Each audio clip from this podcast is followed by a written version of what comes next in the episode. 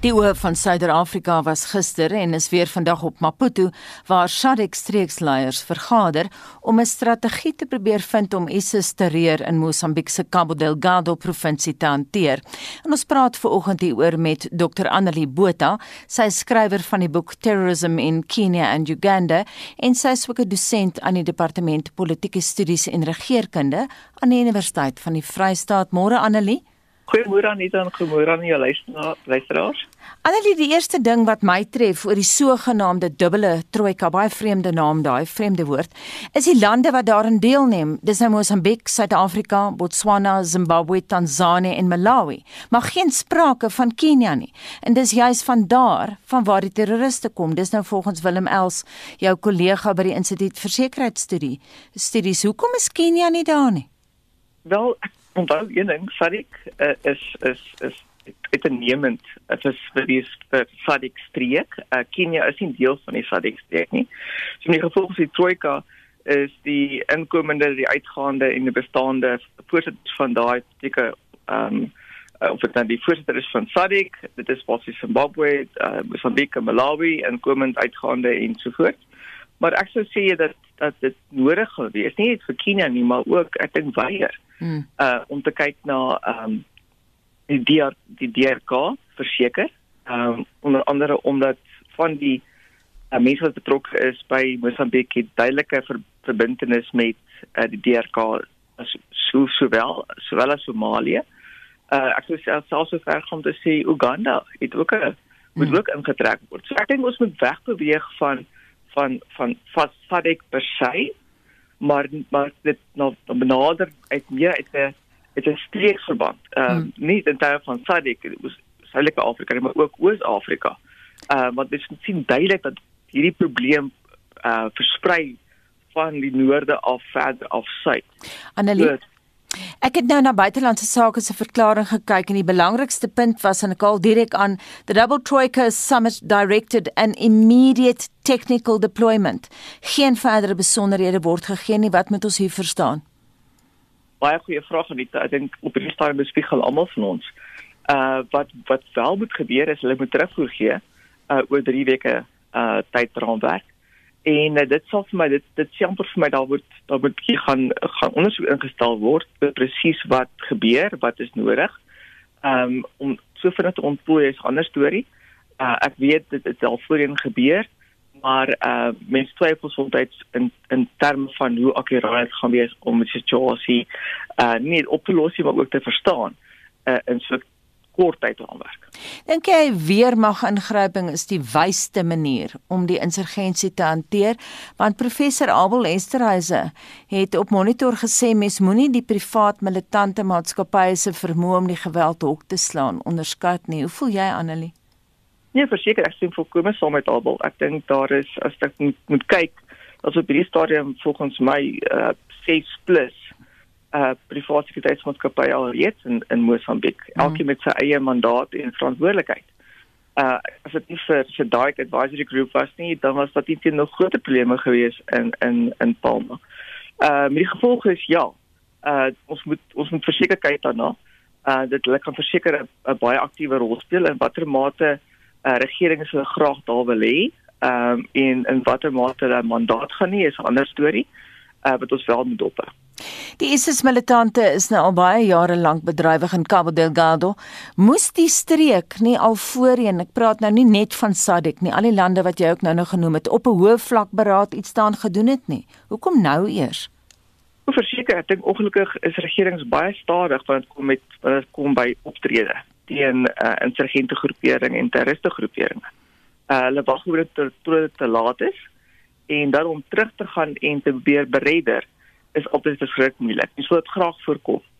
Uh ek dink mense moet baie en ongelukkig was dit te gevolg is in Suid Afrika wat ons nie wou insien dat daar hier 'n uh, 'n bedreiging is vir die streek ook nie. Ons het dit op onsself bestempel as as immen keer wat gebeur in die res van in die res van die wêreld. Wat ons al 12, 30 jaar terug al gesê het, uh, mense moet begin na kyk. Mm. Uh so my gevolg is ongelukkig as jy te lank wag, het jy 'n probleem.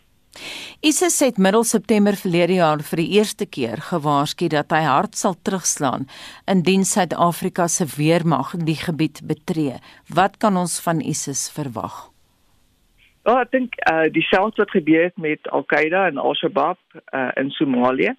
Ek verwag nie dat ISIS onmiddellik sal reageer nie. Uh ek dink dit, dit gaan eers afhang van wat gebeur in die staat self. As mens onthou dat die Uganda aanvalle uh, in 2010 was in reaksie op die mate waarop die veiligheidsoperasies wel in Somalië ge ehm um, hulle self uitgedruk het en ongelukkig ehm um, van die burgerlike bevolking ehm um, onder andere ook gedood het in die proses en uh, so, hulle gaan verseker dit gebruik as julle het dit aan ons gedoen en as gevolg daarvan reageer ons. So hulle hulle reageer altyd in reaksie tot.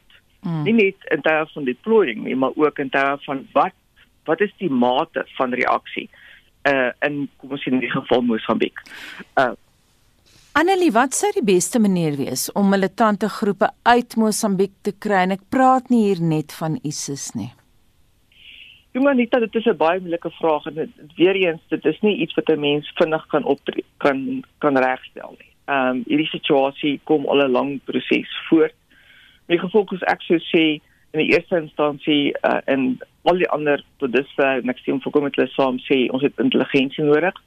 Ek sou sê dat uh, in plaas daarvan om 'n konvensionele mag in te stuur, sou ek eerder sê kyk na kyk meer na die gespesialiseerde magte. Ehm um, ons rekkies byvoorbeeld is 'n is 'n goeie voorbeeld. Jou uh, private sekuriteitsmaatskappy is nog hulle het 'n baie goeie agtergrond as dit kom by by uh, teerintelligensie operasies.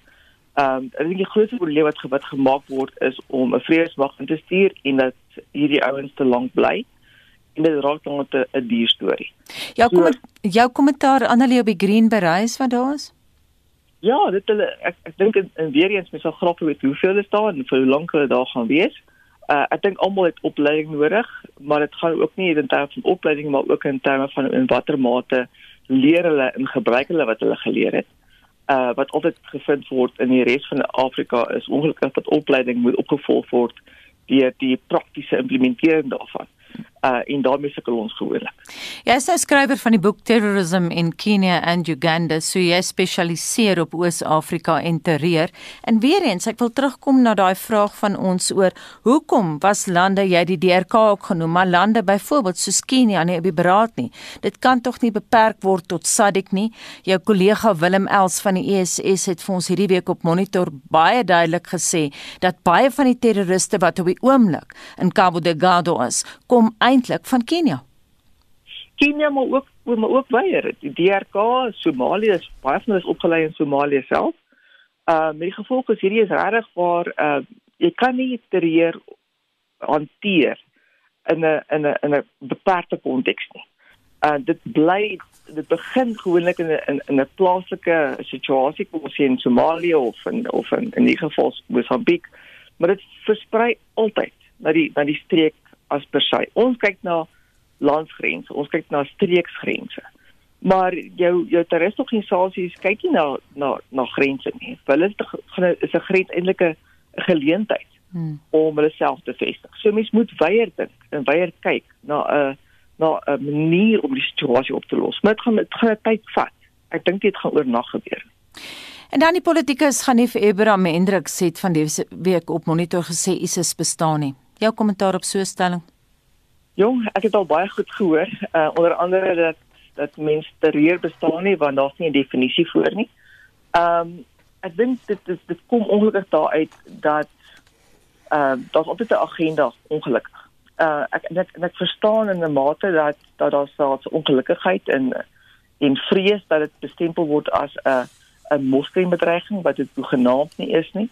Ek dink intendeel dit organisasies bedreig eerder uh moslimgemeenskappe wat al bestaan in die state vir hoe lank al. Ehm um, so ek dink mense dat dit as jy nie wil sien nie dan dan dan dan gaan jy nie sien. Hmm. Dan gaan jy verseker betwyfel. Ehm um, ek sê eerder sê kyk ons kyk daarna in in terme van 'n bedreiging wat wel bestaan as mens nou nog sê ISIS bestaan nie dan wil ek baie graag ehm um, van hierdie mense wat so uitlating maak ehm um, saamvat en het hulle gesels met met die met die slagoffers van uh islamitiese staat en ander terreurorganisasies. so dit is dit is ongelukkige geval van dit verdeel. Ehm um, die manier waarop ons dit hanteer. Dit dit is nie bedreiging teen een godsdiens of een gedeelte van 'n van 'n van 'n staat nie. Dit, dit is 'n bedreiging vir almal. Baie dankie en so sê Dr Annelie Botha, sy is skrywer van die boek Terrorism in Kenya and Uganda en sy is 'n dosent aan die departement politieke studies en regeringskunde aan die Universiteit van die Vrystaat. Die Pretoria se Hooggeregshof het die week beslis dat dooie fetusse onder 26 weke nou begrawe mag word. En as jy 'n sensitiewe luisteraar is, kan jy nou jou eh, radio afskakel en later terugkom na ons toe. Die Katolieke Kerk en die organisasie The Voice of the Unborn Baby het die saak in die hof gedryf. Vir meer oor die hofbevel in hulle guns, praat ons nou met die prokureur Renaldi Ingram Barnard wat die organisasie The Voice of the Unborn Baby in die hof verteenwoordig het. Goeiemôre Renaldi. Goeiemôre Annika. Uh Anita. Uh uh okay. Renaldi, wat presies bepaal die wet? Um die wet op uh, geboortes en sterftes bepaal heidaglik dat 'n uh, fetus wat onder 26 weke van verwekking um tot sterwe kom, bestempel word as mediese afval en ouers het nie die reg om die keuse uit te oefen om daardie uh fetus wat hulle bestempel as hulle baba te begrawe of te veras nie terwyl 'n um, 'n fetus wat doodgebore word na 26 weke van verwekking wel begrawe en veras mag word.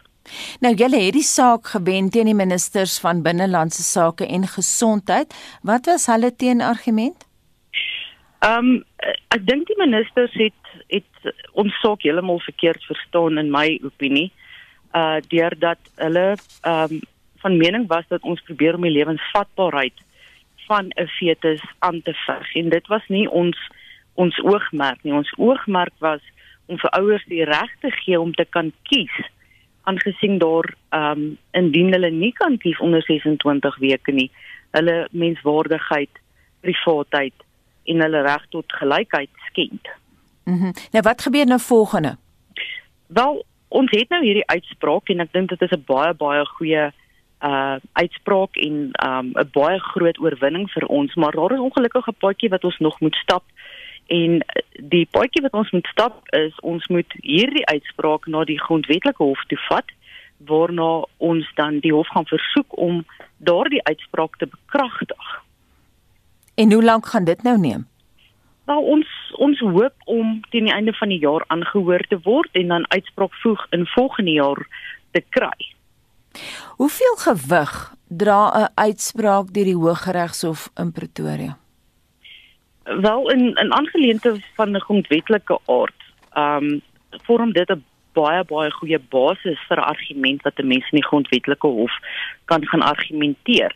En die rede hoekom ek so sê is is die grondwetlike hof gaan weer eens na die stukke kyk en nog 'n kort argumente gemaak word rondom die sake, maar na my mening en dit is my persoonlike opinie dat indien ons in die grondwetlike hof is en die grondwetlike hof sien dat die Hooggeregshof reeds hierdie saak bestudeer het, alles um, in oorweging geneem het en bevind het dat sekere bepalinge van die wet op geboortes en sterftes wel ongrondwetlik en ongeldig is, die grondwetlike hof rarig um vir ons dalk moontlik gelyk kan gee daarop. Wat gebeur nou in die tussentyd? Ek sit en dink miskien is daar ouers wat nou hierdie onderhoud luister wat in daardie posisie is en hulle wil weet wat gebeur nou. Ehm um, kyk die wet op geboortes en sterftes bly in plek tot en met daardie wet gewysig word deur die parlement. En die uh Hooggeregshof bevel maak voorsiening vir interim ehm um, uh verligting vir hierdie ouers in die geval tot tot en met die parlement die wet wysig maar tot en met die grondwet nog nie daardie die grondwetlike hof nog nie daardie uitspraak bekragtig het nie bly die status quo dieselfde dat ouers waar 'n fetus doodgebore word onder 26 weke van verwekking ongelukkig op hierdie stadium nog nie daardie fetus kan begrawe nie. Baie dankie dit aan die mening van Renaldi Ingram Barnard wat die organisasie The Voice of the Unborn Baby in die Pretoria se Hooggeregshof verteenwoordig het. Ons bly by medies verwante sake. Die Suid-Afrikaanse Beenmurgregister het 'n ooreenkoms gesluit met 'n privaat maatskappy NetCells om meer mense toegang te gee tot beenmurgoorplanting. Die adjunkdirekteur van die register, Jane Ward, sê die mediese tegnologie bestaan al lank, maar nie almal het toegang daartoe nie. Ward sê dit sal hopelik nou verander. We partnered, the South Marrow Registry has partnered with Africa's biggest cord blood bank to improve donor matches, especially among ethnic um, groups and, or ethnic minorities. So generally, um, there is private cord blood banking in, in South Africa, but it's not, a, but there's no public cord blood banks. So why it's so great is generally, um, if I had to bring in a cord blood from somewhere overseas, you're looking at close to a million rand. That's how much it costs. Um, this initiative that we have with net cells greatly reduces. It's going to be definitely a lot more less um, less expensive um, than 1 million rand. I can show you that. More accessible to patients who require a stem cell transplant. Wat sê hierdie ooreenkoms sal ook help om meer geskikte beenmurgskenkers vinniger op te spoor. So the chance of finding a match is 1 in 100,000 of a chance and you're more likely to find a match within your own ethnic group. Um, currently, worldwide, not just within um, our the South African Bone Marrow Registry database, you find more Caucasians are on the database, um, and you're more likely to find a match within your own ethnic group. So we are the more opportunities that there are for a patient to find a match, we're going to do that. Wat sê verder dat net sel spesifiek naalstrengselle bewaar en die spesifieke selle kan mense se kans om 'n gepaste skenker te vind verder vergroot. There are so currently there are 3 types of sources of stem cells for where patients can get a stem cell transplant. Um, that is cord blood, bone marrow, and peripheral blood stem cell collections. The more there is, or the more uh, availability, the more opportunities that somebody would be able to find a match like I said, one in 100,000. We match on HLA, so human leukocyte antigens, and to be a match for someone, you need to be a 10 out of 10 match. By using umbilical cord, because the cord blood is, it doesn't have to be a, a 10 out of 10 match for a patient like in bone marrow and peripheral blood stem cell collection because it, cells are considered more naive and biologically younger and thus better able to tolerate HLA mismatches. This opens the door to more possible matches for patients. Wat sê hierdie ooreenkoms gaan ook die hele proses baie goedkoper maak vir almal? So, with um, our collaboration with or partnership with NetCells, so the main difference between a community cord blood and um, private stem cell bank is that the testing and storage fee will be reduced in the case of the community cord blood bank. Um, so, NetCells will subsidize uh, roughly about half of those costs, thereby making banking cheaper. Thereby also the, the allowing the patient, the parents who um, don't, um, stored the cord, available for their, their children or child, um, as well as potentially to be a match for a patient for another patient overseas, whether in South Africa or abroad. And it works on a first come, first served basis and will go to the person who needs it the most or first. So um, if the patient that donated the cord requires the, the cord blood first and it goes to the, the patient, or if we find a match somewhere in South Africa or internationally, it then goes to that patient. Uh, so if you're in, um, um, in good health between the ages of 16 and 45, you can definitely still join the, the South African Bone Marrow Registry um, and go to www.sabmr.co.za slash become a donor. En so sê Jane Ward en sy is adjunkdirekteur van die Suid-Afrikaanse Beenmurg Register. Dit bring ons by 7:30. Lyk my jy geniet hierdie SMS terugvoer vanoggend. Um, jy leer oor nuwe lekker goed. Omtrent dan Anita, hier is 'n paar SMS'e. Toe ons nog jonk was, skryf hierdie luisteraar, het ons pickled onion chips gekry. Hoekom is dit ooit afgehaal? Dit was die lekkerste chips ooit en dan is die luisteraar se tweede gunsteling sout en asyn. Uit Heidelberg hier in Gauteng skryf Sybrand van der Spy volgende die volgende moet terugkom. Koeldrank, cherry plum, lime, Canada Dry, champonola, hubbly bubbly drankies en dan wat lekkers aanbetref, ivory bar, nutlock en currygeur skyfies. Uh -uh. Hier's nog curry. Loot laat weet bring curry visballe terug. Hulle was so groot soos 'n tennisbal saam met slap skyfies. En Susan wat sê bring terug die peppermint crisp sjokolade. Dit is nodig om 'n peppermint yskastert te maak. Mm. Ironbrew is wat Wilna van der Berg graag sal wil terug hê en sy sê chutney skyfies die kan maar van die rak afgehaal word want ek grill my dood daarvoor. En dan hierdie een van David Fortuin wat sê in die 80er jare was daar 'n boereworsgeur. Bring dit terug. Ek wil nou vinnig weet wie se luisteraar wat praat oor die peppermint tert? Dit is Susan. Susan, ek het vir jou raad wat ek nou doen. Ek gebruik die Aero met uh, peppermint. Ons kan resepte uitrol en ek wil ek moet tog vra, is dit net Lawrence en ek wat verlang na caravan? okay, so ek sal net voor 8 weer terug wees met nog terugvoer. 732 welkom by Monitor en Golf en Cricket is tans op menige mense se lippe en ons praat nou met Pieter van der Berg oor sportsake. Môre Pieter? Môre Anita Jan, ek dink 'n paar sportmense in die afgelope 24 uur hulle chips gehad hoor. Ek weet jy gaan iets sê. Pieter. Die eh, die eerste major eh, wat hulle sê eh, groot golftoernooi van 2021, hulle noem dit die major golftoernooi. Die Amerikaanse meesters het nou gister op Augusta begin en as ek dit nie mis dit nie, is daar vier Suid-Afrikaners daar. Ja, jy is 100% reg. Die sukses was bietjie gemeng geweest. 88 spelers het in die eerste ronde afgeslaan. Kom ons loer aan die voorlopersbord. Justin Rose het 6 voetjies op die tweede nege aangeteken en hy geniet 'n voorsprong van 4 houe. Hy's op 700 vir die toernooi. Brian Harmon en Hadiki Mochiyama, hulle is beide op 300 syfer. Christian Besuitnout van Suid-Afrika is goed geplaas, gesamentlik met 'n vierde op 200. 'n Stendige golf gespeel, hy het 3 voetjies aangeteken en 1 brouhou en dan Charles Swartsel. Hy is 'n 30ste op 2 oorsyfer en Dylan Fritelli en Louis Oosthuizen 60ste gesamentlik op 4 oorsyfer. En dan in vroue golf is die fokus op die Kaapstad Ope hier in Suid-Afrika. Nou na twee rondes is Caitlin McNabb, 'n amateur en Cara Gorley is die gesamentlike voorlopers en is op 143 houe na twee rondes met Manon Gadaldi van Frankryk daar tweede op 145 en dan Lee en Pace sy se hou verder terug op 146. Vroeger die week is gepraat oor die bokke wat begin met hulle voorbereidings vir die rugby reeks teen die Britse en die Ierse leeu's. Watter ander rugby nuus is daar? Ja, hier plaaslik het die Varsity rugby reeks uh, gister weer voortgesit uh, of is aan voortgesit. Daar's vyf wedstryde afgehandel. Die Shimlas het pak gekry, Bukke was baas met 32-22. Aitjies klop vir Wits met 40-22.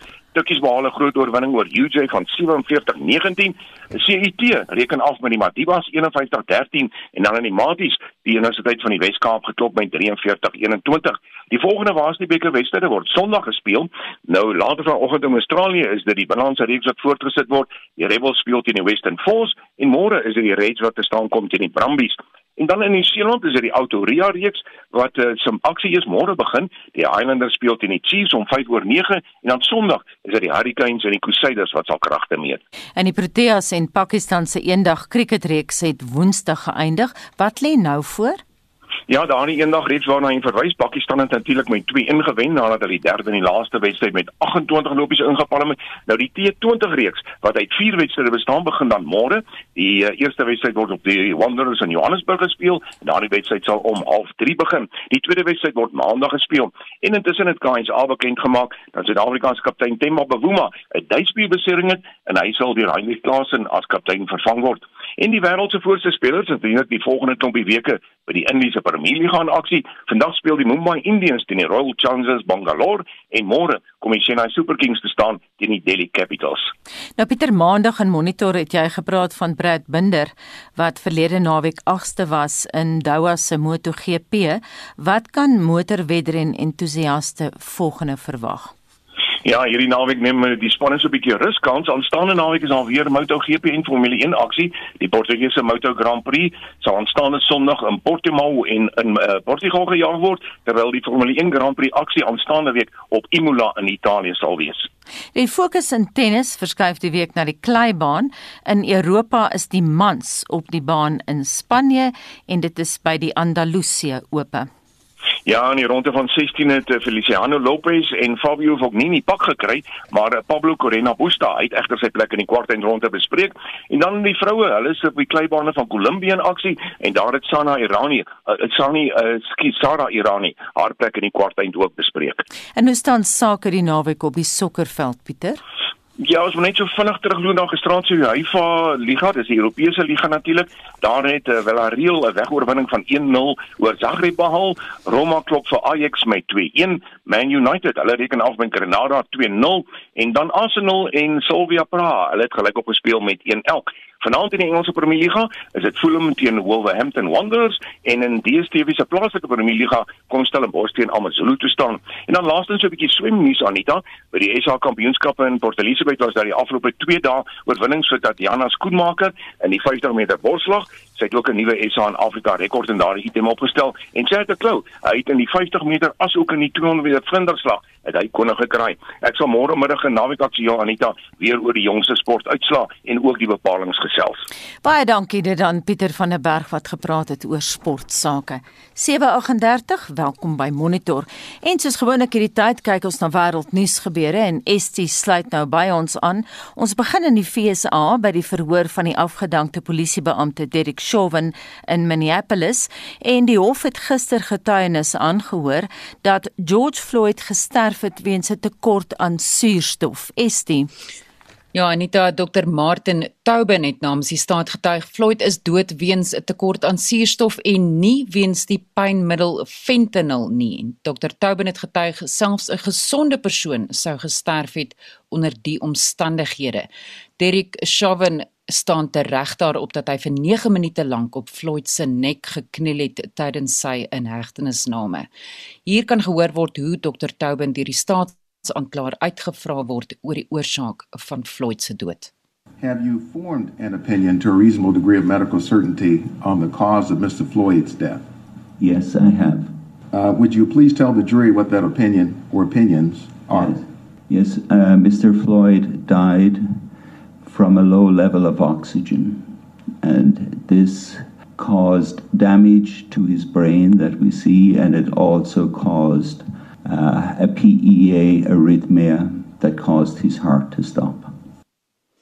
Dr. Tauben het 'n voorstel verwerp dat die pynmiddel fentanyl moontlik sy dood kon veroorsaak. You're familiar with the way people die from fentanyl. Yes, very. Do they or do they not go into a coma before they die from a fentanyl overdose? Yes, they will. Was Mr. Floyd ever in a coma? No. Die verhoor is in sy tweede week op die oomblik en sal na verwagting ten minste 'n maand lank voortduur en die staat sal binnekort sy saak sluit waarna die verdediging moontlik volgende week reeds met sy saak sal begin. En dan is dit ons bly in die FSA waar president Joe Biden strenger wetgewing vir wapenbeheer wil instel. En Biden het 'n bevel uitgereik wat veral gemik is op tuisgemaakte gewere wat ook bekend staan as spookgewere omdat hierdie gewere ongeregistreer is. En sedert die begin van die jaar het sowat 11000 mense reeds weens wapengeweld in die FSA gesterf. En hier is wat Biden gister in die FSA gesê het. Every day in this country 316 people are shot every single day. 106 of them die. Every day. Our flag was still flying at half staff for the victims of the horrific murder of eight primarily Asian American people in Georgia when 10 more lives were taken in a mass murder in Colorado.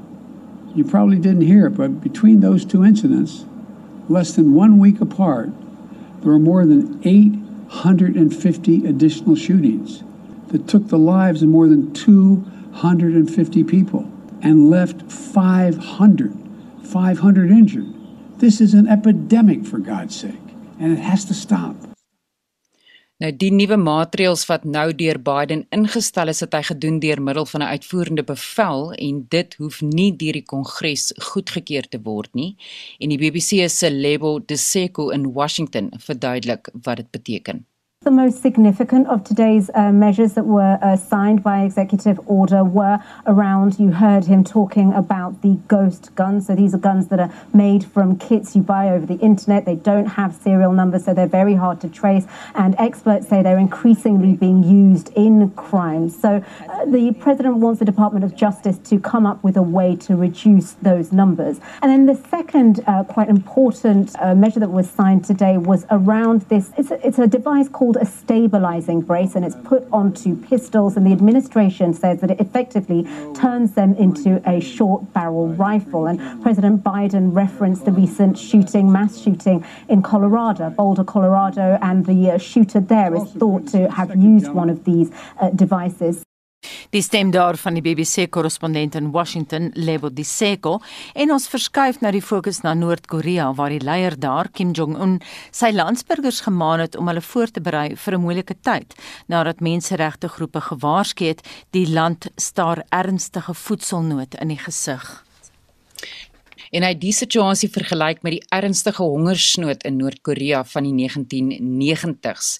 Die land se grense is steeds weens COVID-19 gesluit en alle handel met China wat sy ekonomiese reddingsboei is, het tot stilstand gekom. En dit is nou boonbehalwe die bestaande internasionale ekonomiese sanksies oor die kernprogram wat daar heers. En hy het 'n beroep gedoen op op partyleiers om saam te staan om te probeer om mense lewens in hierdie tyd te red. Na raming is sowat 3 miljoen mense tydens die hongersnood in die 1990s dood. Dit is baie interessant, dis heel eerste keer dat hy erken daar is probleme in die land of hongersnood. Dit dan Estie de Klerk met 'n oorsig van vandag se wêreldnuus gebeure. Nou die titel White Tiger laat mens dink aan 'n natuurdokumentêr, maar hier praat ons flieks en as ons flieks praat, met wie praat ons? Kondig jouself aan Leon. Uh, Leon van der Rob. die hoof fliek vloei. Waar is die ego? Waar is die ego onder my stem? Ja, en die drumrol. Kom ons begin by White Tiger. Waaroor gaan dit? Uh dis hoekom so min mense na die klein juweel kyk Anita, want dit is onmoontlik om te weet waaroor die fliek met die doodgewone titel gaan sonder om dit oordentlik te bekyk en te waardeer. The White Tiger het onlangs 'n Oscar benoeming gekry vir beste aangepaste draaiboek. Dis is haar gewig aan die rolprent. Dit gaan oor 'n jong lad wat ten alle koste iets in die lewe in Indië wil bereik, maar alles insluitende die noodlot en sy eie vermeetheid tel teen hom. Hy word misbruik as 'n motorbestuurder of 'n sjofeur en sukkel om 'n vasstrap plekkie in die gladde skuimbesmette lewe te kry en 'n bestaan te voer. Al wat hy voorlopig moet doen is om sjofeur te wees, met daai skerp oogies wat lyk of hulle soos 'n hotnots godsin op stokkies staan wat 'n vlieg raak gesien het, het sy brandende energie wat vonkies afskiet en hy maak van Baldrama 'n unieke, voortgedrewe karakter wat nog sy merk gaan maak. Die soort waarvoor mense staan daar plus gaan gee tot hy ook aan die verkeerde kant van die wet beland. Maar dis 'n besondere en insiggewende roprent op Netflix. Dit neem ongeveer 15 minute om in die roprent te kom en te volg presies waaroor dit gaan. Daar steek dus meer in The White Tiger met sy slim storie vol verrassings as wat jy verwag. Probeer dus om na die opwindende en eksplosiewe The White Tiger te kyk. Dis beslis nie wat jy verwag nie. 8 uit 10 Netflix. Leon enigiets waarin Tom Hanks speel is gewoonlik mense geld werd. Geld dieselfde nou vir sy jongste fliek News of the World. Inderdaad Anita. News of the World is 'n eksentrieke film gemaak deur iemand wat nie meer hoef geld te maak nie of om homself hoef te bewys nie, Tom Hanks. Die Amerikaanse burgeroorlog is in volle swang en niemand is so lewensseker nie. Tom speel die rol van 'n ou bebaarde, bitter en wyse bitterbal wat alles al gesien en gedoen het. Hy ry van geplunderde dorpie na afgebrande gemeenskap en lees die jongste nuus vir die mense wat nie kan lees nie, gewoonlik oor veldslae of oor die dood. Dan ontmoet hy 'n jong hawelose meisie, die uitstekende 11-jarige Helena Zegel, wat saam met hom die dood trotseer. Hulle ry tussen koels en rampokkers en vallende rotse deur om die nuus oor te dra en 'n diep lewegewende vriendskap ontstaan. Dis 'n roprent vir ouer luisteraars, selfs ouers, want jong mense sal nie noodwendig die dieper betekenis raak sien nie of so dink ek, mens onderskat dit dalk. Oorlewing, goedhartigheid, om onselfsugtig te wees en om om te gee is die temas. News of the World wys op Netflix 8 uit 10. Ag Leon, ek is so lus vir 'n lekker Hitchcock thriller, maar kyk 'n mens, mense deesdae nog na thrillers. Hierdie een is nie vir jou die Anita. Ek sien jou al harte binne die eerste 5 minute. Skynbaar is daar nog 'n enkele verdwaalde siel of twee wat na bloedbesmette grillers gaan kyk soos Welcome Home. Maar wag net 'n bietjie. Ons praat van grillers en thrillers, daar's 'n verskil nie. Ek hou van Hitchcock thrillers. Jy moet wonder nee, wie die ou doodgemaak het. Ek wil net die bloed nee, sien. Hierdie is 'n griller. Ek nee, nee verseker, nee, dis nee. vol bloed, hoor, tomatiesous. Kyk, daai storie is al so foos opgesê soos jou tiener se verskoning as jy vra hoekom hulle nog nie hulle beddens opgemaak het nie. 'n Pragtige paartjie, Anita is altyd pragtig. Waaronder die uitstekende akteur Erin Pill raak in 'n struweling betrokke. Hulle dink deur na 'n idilliese villa op die Italiaanse platteland te gaan, gaan talkpoeier oral rusie strooi. Maar weet hulle nou nog nie wanneer hulle die rare eienaar met die skelm skewe oogies en die woeste boshare sien in 'n reusagtige eensame kasarm alleen dat hulle afgeroer gaan word en uiteindelik vir hulle lewens sal moet vlug. Wil jy regtig kyk hoe mense vlug voor 'n skurk vir 90 minute? Dan is welcome home dalk vir jou. Ek sal nooit weer na 'n deurmaatjie kyk met daai woorde op en nie wil naar word nie. Ek het myne sommer dadelik verbrand. Vir jou voete daarin af. Welcome home is beslis nie verwelkomend nie. 4 uit 10 op Showmax. Lees die resensies op by die skeep.co.za. Klik op fliek rubriek onderaan die bladsy.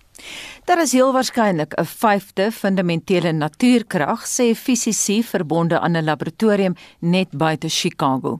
Wetenskaplikes verwys na die natuurkrag as 'n wisselwerking en sê die moontlike waarneming van so 'n krag is opwindend. Trouwens, die fisikus professor Ben Allenegg van Cambridge Universiteit beskryf dit as 'n hoendervleis oomblik. Maar wat sê Suid-Afrikaanse fisici? Monitor het gister gaan praat met professor Mati Hofman van die Universiteit van die Vrystaat. Hierso gaan dit nou op hierdie stadium bloot oor ons fundamentele verstaan van die natuur en daaroor is hierdie kom ons noem dit nou op die stadium 'n moontlike ontdekking wat taamlik vas staan maar nog nie finaal aanvaar gaan word voor hulle nog metings gedoen het nie. Dit gaan 'n reuse impak hê of 'n verryking hê van ons verstaan van die natuur want die sogenaamde standaardmodel vir elementêre deeltjies en die uh, fundamentele kragte of wisselwerkings in die natuur staan nou al vir etlike dekades en dit is op veelerlei maniere deur eksperimente bevestig.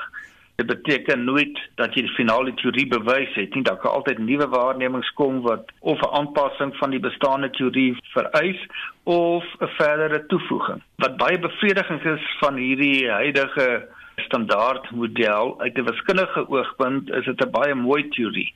En daar's allerlei simmetrieë wat mense gelei het om hierdie teorie te ontwikkel. Wanneer is 'n eksperiment voldoende om 'n sekere stelling te maak in terme van die wetenskap? Mens moet dit so verstaan, jy het 'n teorie en die teorie sal vir jou voorspel wat jy in bepaalde omstandighede moet meet. In hierdie geval word die metings gedoen deur 'n bepaalde fundamentele deeltjie bekend as muone wat soort van familie van die elektron is, maar net baie meer massa het in 'n sirkel te stuur. So hy het nou 'n lading en dan uh, word hy deur magneetvelde in 'n baan gehou en kan hom nou teen 'n hoë spoed laat beweeg. Die versneller waarin hy beweeg is ongeveer 14 meter in deursnee, so dis 'n lekker groot sirkel. En dan kan hulle gaan kyk na oscillasies. Mens kan per se 'n wobble wat teen 'n sekere tempo moet plaasvind. En dit is die gevolg van die feit dat die deeltjies spin net en lading het. En die wobble wat hulle opgetel het verskil van wat die standaard model voorspel. Wel dit is wat die die wetenskaplikes dan aanvoer. Nou moet mens onthou as jy metings doen, daar is statistiese fluktuasies wat intree as gevolg van jou meetinstrument. Jy kan jou nou voorstel as jy nou 'n bepaalde voorwerp wil meet, sê nou maar die lengte deur 'n klomp verskillende mense, dan gaan hulle metings nie presies dieselfde wees nie en jy moet nou maar met 'n gemiddeld werk. En dan in die natuur self is daar ook natuur uh, fluktuasies. So nou moet jy as jy genoeg kere jou eksperiment herhaal, dan kan jy later daardie statistiese fluktuasies so klein maak dat jy kan afdoende sê of jou meting inpas by die voorspellings van die bestaande teorie al dan nie. Mm. In hierdie geval voer hulle aan dat daar 'n 41000 kans is dat die resultaat nie inderdaad afwyk van wat die standaardmodel van die hmm. fisika voorspel nie. Maar ek kom ons maak dit net eenvoudig vir die leek. Vir ja. Jan en San daar buite wat nou vooroggend luister en as ek sê maak dit eenvoudig vir die leek, sluit ek myself in om dit te kan verstaan. Wat gaan die implikasies van hierdie ontdekking wees? Weereens in ons alledaagse lewe. Want nou praat ons van 'n vyfde natuurkrag. Kan ons net noem hierdie afwyking vanaf die standaardmodel interpreteer hulle dan as 'n aanduiding dat daar 'n sogenaamde vyfde krag of wisselwerking in die natuur is teenoor die vier wat reeds in die standaardmodel geakkommodeer is. Nou daardie vier bestaande wisselwerkings in die standaardmodel is nou die gravitasie, dan die elektromagnetiese wisselwerking. Dit ervaar ons ook in ons alledaagse lewe by wyse van byvoorbeeld statiese elektrisiteit, weet as jy nou jou hare kam, mm -hmm. dit is die enigste twee uh, van die uh, natuurlike kragte wat ons maklik in die alledaagse lewe ervaar. Dit beteken nie die ander is nie belangrik nie. Die ander twee is dan die kern, die sterk wisselwerking wat die atoomkern bymekaar hou en baie belangrik in die kernfisika is en 'n verder een die swak wisselwerking wat geassosieer word met bepaalde forme van radioaktiewe verval soos beta verval. Nou die aanduiding hier is dan nou vir 'n uh, ekstra een. Hy het nou nog nie 'n naam nie, daar's verskillende voorstelle. Nou wat die alledaagse lewe weet, gaan hierdie ontdekking nie enigstens in die afsienbare toekoms 'n impak hê nie. Mens kan nooit sê nooit nie, want daar as mens die fundamentele natuur beter verstaan, dan kan dit dalk uiteindelik tot toepassings lei. Mens kan nou maar net dink aan die kernfisika wat aanvanklik net onderneem is om beter te verstaan hoe die natuur werk. Maar vandag is kernfisika 'n baie praktiese terreinbewyse van bestraling en isotope en kernreaktore, maar mens moet nie die kulturele en waarde vir die mense verstaan van hoe in die natuur inpas, hoe alles werk wat daar in fundamentele navorsing is, moet onderskat nie. En so sê die fisikus professor Mati Hofman van die Universiteit van die Vrystaat wat gister met Monitor gepraat het.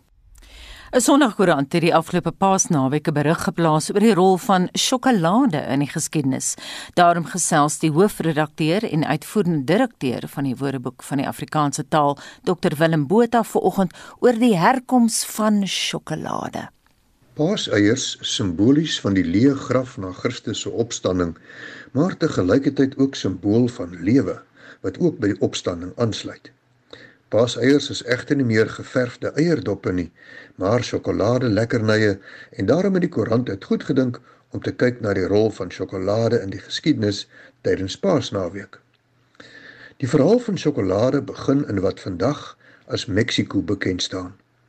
Etimoloë voer die oorsprong van die woord sjokolade terug na 'n woord in die taal van die Azteke, naamlik zocoatl, wat saamgestel uit zocok, bitter en atl, water. Kakaopoeier is met water gemeng en die Azteke het die bitter en pikante drank as kosbaar en as 'n drank van die gode geag. Hulle het slegs goue drinkglasies gebruik om die drank plegtig te geniet en die glasies is na die seremonie weggegooi. Die Azteke het kakaobone ook as betaalmiddel gebruik. Met een boon kon jy 'n tamatie koop en met 100 bone 'n kalkoen of 'n slaaf. In 1528 het die Spaanse veroweraars kakaobone na Spanje saamgeneem waar water en suikerriet by die kakao gevoeg is. Die warm sjokolade het vinnig 'n gunsteling drank van die Spaanse adel geword. Dit was eers in die 18de eeu dat sjokolade ook in ander Europese lande gewild geraak het en sjokoladehuise met koffiehuise begin meeding het. Sjokolade het egter steeds 'n drank met 'n bitter en sanderige smaak gebly. Sjokolade wat jy kan eet, is eers in 1847 deur 'n Engelse maatskappy, nou bekend as Cadbury, gemaak toe gemaalde kakaobone, kakaobotter en suiker vermeng is. Melksjokolade was 'n Switserse uitvinding van die jaar 1875 waarby die chemikus Henry Nestle betrokke was. Rudolf Lind het 4 jaar later deur 'n proses van homogenisering ontslaag geraak van die bitterbestanddele van sjokolade. Die Latyn vir sjokolade is Theobroma cacao, die voedsel van die gode. En watter sjokolis sal nou hiermee verskil? Wat 'n mooi woord, 'n sjokolis is baie daarvan van van hulle op kantoor. Dit dan Dr Willem Botha, hy is hoofredakteur en uitvoerende direkteur van die Woordeboek van die Afrikaanse taal. En as jy 'n woord wil koop of borg, besoek www.wat.co.za.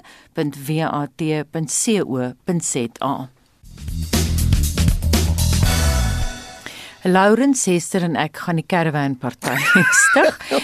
Hester besluit nou skryf Anita ek stem saam met jou oor caravan sjokoladestafies. Ek het in die 70er jare in die landdroskantoor op Alberton gewerk en ons het altyd die bode gestuur om vir ons 6 bed caravans, dit is nou die groot stafie te gaan kry. Het jy nog caravan terug? Ek kan nie soveel soet goed eet nie Anita. Hier is SMS'e. Ek onthou ook uh, die boerewors en pikkel eie geure sê Heila en dan vra iemand anders ook bring terug daai visreek smaak kreols. en uh, ek koop gereeld sê volne die cheese and onion, my gunsteling is sour cream.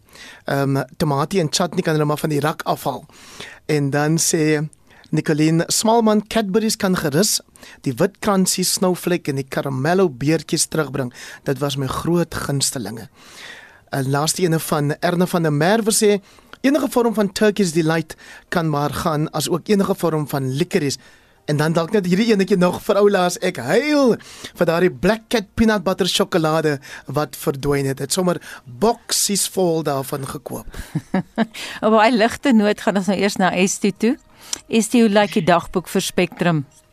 Anita ons berig oor Blind SA wat die regering hof toe sleep oor die wysigingswetsopwerp op die kopieregwet.